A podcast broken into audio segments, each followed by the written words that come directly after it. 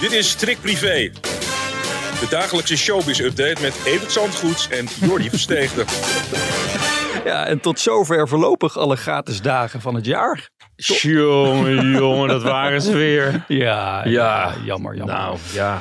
We moeten even beginnen met iets uh, Evert, voordat we lollig uh, gaan doen. Want we zijn een vrolijke podcast. Ja, het was geen mooie Pinksteren voor iedereen nee. in Amsterdam met zo'n steekpartij op zo'n festival. En Tycho Gernand kent het slachtoffer nogal goed, noemt hem zelfs zijn broertje. Hmm. Het is een buitengewoon trieste affaire dat je een ruzie over een zonnebril zo op de spits drijft dat je iemand doodsteekt. Dat is werkelijk onvoorstelbaar. Het gaat om een 21-jarig slachtoffer, hè? Jimmy inderdaad. Um, intens triest. Ja, Tigo die roept op om zoveel mogelijk informatie ja, te beelden verzamelen. te delen. Ja. En dat deed dat zusje gisteren ook al op hartverscheurende wijze. En Hmm. ja, ik geloof dat ze de dader wel te pakken hebben. Er zijn drie arrestaties verricht. Maar ja, het zijn allerlei jonge levens vernield. En waarom? Hè? Ik krijg daar kippenvel Ja, het is verschrikkelijk. Intens triest, maar inderdaad de oproep van Tigo bij deze ook gedeeld. Iets heel anders. Maak jij je wel eens zorgen over mensen die jou niet aardig vinden? Nou, nee, want je kan het moeilijk iedereen naar de zin maken. En, Ja. en, en zeker als je al zo lang aan de weg timmert als ik, dan Ja. heb je ook wel mensen die je niet zo aardig vinden. Oh. Ja. Oh, nou, Want? Want nou, Britt Dekker, die eh, maakt zich een beetje zorgen. Hè? Ze krijgt de laatste tijd niet echt eh, hele lovende kritieken. Duo nep en nepper werd ze met Wendy van Dijk genoemd. Nou ja, Johan Derksen die vindt volgens mij niemand aardig. En ook Britt Dekker zou wat arrogant zijn. En ze heeft er een beetje moeite mee met hoe ze hier Ja, nou dat moet moet gaan. je gewoon van je af laten glijden. Ik was laatst uit eten met eh, Connie, Connie, Connie Witteman. En toen zat zij een, tafel, een paar tafeltjes verder. Ja, En Connie ontdekte haar, bleek een enorme fan van Britt Dekker te zijn. Dus dat eindigde met die twee dames en een afspraak om met de kleinkinderen van Connie te gaan paardrijden. En Oh. dan denk ik, ja, je bent gewoon zoals op tv en, en spontaan en leuk. En joh, dat, dat mensen het af en toe niks vinden, dat heb je toch. En er komen allerlei factoren bij kijken. Jaloezie, afgunst, eh, eh, mensen die gewoon tegen alles en iedereen zijn. ja. Eh, geniet van die mensen en je succes en, en, en, en ga door. En laat je er niet onder krijgen. Want je doet het toch nooit goed. Wat, Nee. Wat eh, in de ogen van een heleboel mensen. En die illusie moet je ook niet hebben dat je dat gaat veranderen. Ik was eh, onlangs bij de opening van... Wijs hè? Hey. Heel wijs, ja. Wat een wijze podcast op deze dinsdag. Ja, ik was laatst bij de opening van Code Rosé, het pension van de Meilandjes. En Ja, eh, Claire, het dochtertje van Maxime, is echt de grootste fan van Britt Dekker ook als, als paardenmeisje. En ik zag de, de band tussen die twee. Ja, dat is echt heel mooi om te zien. Maar goed, we hebben het dan wel. Je had het net over Connie. We hebben het hier over het dochtertje van Maxime, een BN'er. Het schijnt dat ze dan tegen fans wat arroganter zou zijn. Dat ze daar ja, niet... ik, weet, ik ben daar niet bij. En eh, als, als mensen met voorbeelden komen, dan wil ik het best wel. Maar ik, ik, kan, ik kan het me moeilijk voorstellen. Want ze is gewoon een, een, een, een, een, buitengewoon aardig. Bovendien heel slimme meid. Ze heeft toch Zo. ook eens aan zo'n, aan zo'n ding meegedaan van de slimste. Of van Ja, de slimste, ze- ja. zoiets. En dat sloeg ze helemaal geen gek figuur. Dus eh, Ja. ja. mensen zeggen ook wel dat het allemaal gespeeld is. Maar ja, dat zeggen ze om het bruggetje te maken. Dat doe jij meestal. Laat ik het dan nu doen.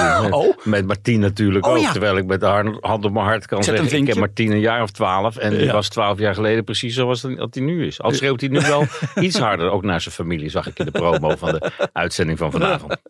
Ja, inderdaad. De brug was eh, inderdaad naar de bijlootjes. Want er is, ja, er wordt de noodklok wordt ergens geluid in eh, Noordwijk door Tina Nijkamp. Omdat ze gisteren nog maar 680.000 kijkers hadden. Ja, en dat verbaast me niet helemaal. Want het is natuurlijk wel heel veel van nog meer hetzelfde. En, en dat is eh, wel een probleem aan het worden bij de Meilandjes. Er mag Ja. wel weer eens een nieuw figuur in. En zo'n Nadege, en dat was toch een bliksemafleider. En dat was daarvoor die Caroline ook. Ja. En we waren op zoek naar een huishoudster volgens mij. Maar Klopt. die heb ik niet, nog, niet meer gezien. Nee. En ik, ik kijk ook niet meer zo vaak, moet ik zeggen. En ik heb dit programma's ook, ik ontdek ze als eerste. Ik vind ze als eerste leuk en zeg iedereen, daar moet je naar kijken. Wat is dat lachen? Ja. Maar dat houdt dan ook in dat ik er als eerste wel een beetje klaar mee ben. En dat was aan het eind van het vorige seizoen al wel het geval. Hmm. En nu 14 afleveringen over Code Rosé. Ik vind het wat veel.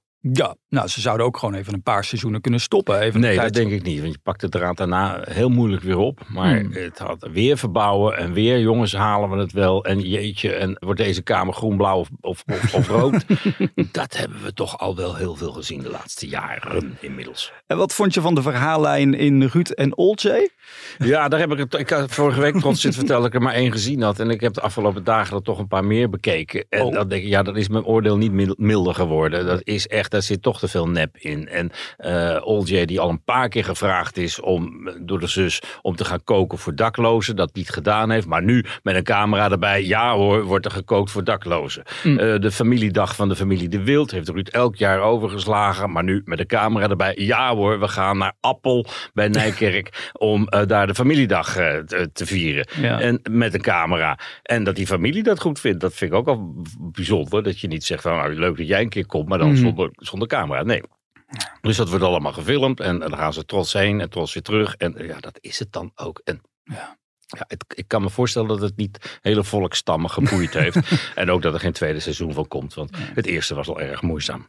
En ze hebben dan heel veel kritiek gekregen van jou, onder andere van mij, van heel veel mensen. Nou, van Joep van Dek. Nou, inderdaad. En daar reageren ze dan weer op in de podcast. Ik leid het heel even in. Uh, jij hebt onder andere hè, ook kritiek geuit op die Turkije-reis die ze gemaakt hebben. Die was ook te zien hè, toen daar een hoop slachtoffers uh, waren gevallen. Oh ja, het was uitgerekend het dorpje waar haar ouders vandaan komen. Maar ik heb geen neef of nicht van Holtje gezien. En, en ze was erg in de weer met lijkzakken. Maar verder de bijdrage, die is mij totaal onduidelijk geworden. En ze sloeg wat armen heen om, om, om slachtoffers en mensen die dakloos en alles ook goed met de familie, vragen ze dan. Nee, die hele familie lag onder het puin. Ja. Het was buitengewoon pijnlijk hier en daar. Laten we nog heel even luisteren wat ze dan over de kritiek van Joep van het Hek zei. Joep van het Hek, lul niet zo dom. Je weet helemaal niet hoe dit gegaan is. Deze hele reis is georganiseerd door mij. Het gaat godverdomme over de geboorteplaats van mijn vader en moeder. Waar bemoei jij je mee? Jij weet helemaal niet waar dit over gaat. Dus waar heb je het over? Maar trek jij je dit dan ook aan? Wat nee, want ik weet niet wat ze georganiseerd heeft. Eh, dat vliegtuig geboekt,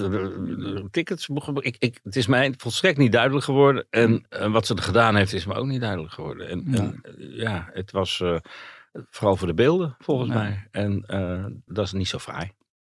Wie het ook uh, ontzettend zwaar heeft, is Duncan Lawrence. Want, uh, ja, je zou bijna denken Duncan en Lawrence. Het lijkt wel een gespleten persoonlijkheid. Die ene is overspannen, de andere gaat met de beste zangers op reis. Ja. Het, is echt een beetje eng aan het worden, vind ik, rond die jongen. Ja, want het, even voor de duidelijkheid. Vrijdag kwam het bericht van hemzelf op Instagram dat hij voorlopig het rustig aan wil doen. Want hij is verdrietig en volgens mij had het alles te maken. Album moet worden uitgesteld. En, en jongen, dat had erin gehakt, dat Songfestival. En nou. uh, You Never Walk Alone. en vervolgens, de dag daarna, uh, kondigt de beste zangers aan dat hij een van de zangers is die mee is naar Spanje op dit moment. Dat valt niet onbegrijpelijk. Nee, dat valt niet te rijmen. Maar het is een onbegrijpelijke jongen geworden. En eigenlijk is het eh, vanaf het begin al een moeizaam verhaal geweest. ik weet nog dat wij toen die het Songfestival gewonnen had, dacht ik, nou, dat is zo lang geleden. Laten we eens uitpakken met 12 of 14 pagina's. Duncan Lawrence.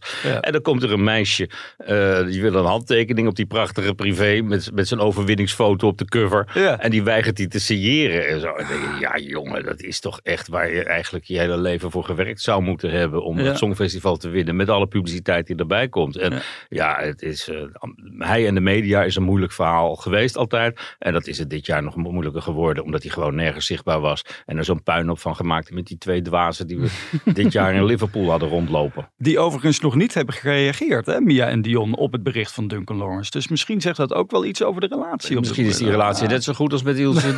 Ilse de Lange. nou ja, het wordt nog een lang verhaal dit. En ik ben heel benieuwd naar het seizoen van Duncan Lawrence eh, bij de beste zangers. Want dat zal wel heel emotioneel worden Denk natuurlijk. Al wat tranen en zo. Nou, goed, wij zijn er doorheen. Ja, goed nieuws voor alle luisteraars. Vanmorgen is het al privé day. Zo snel gaat het deze week. Zeker. En uh, groot nieuws natuurlijk weer. Oh. En uh, daar gaan we het morgen uitgebreid oh. Ik zou luisteren hoor. 12 uur, dan zijn we er weer. Tot dan.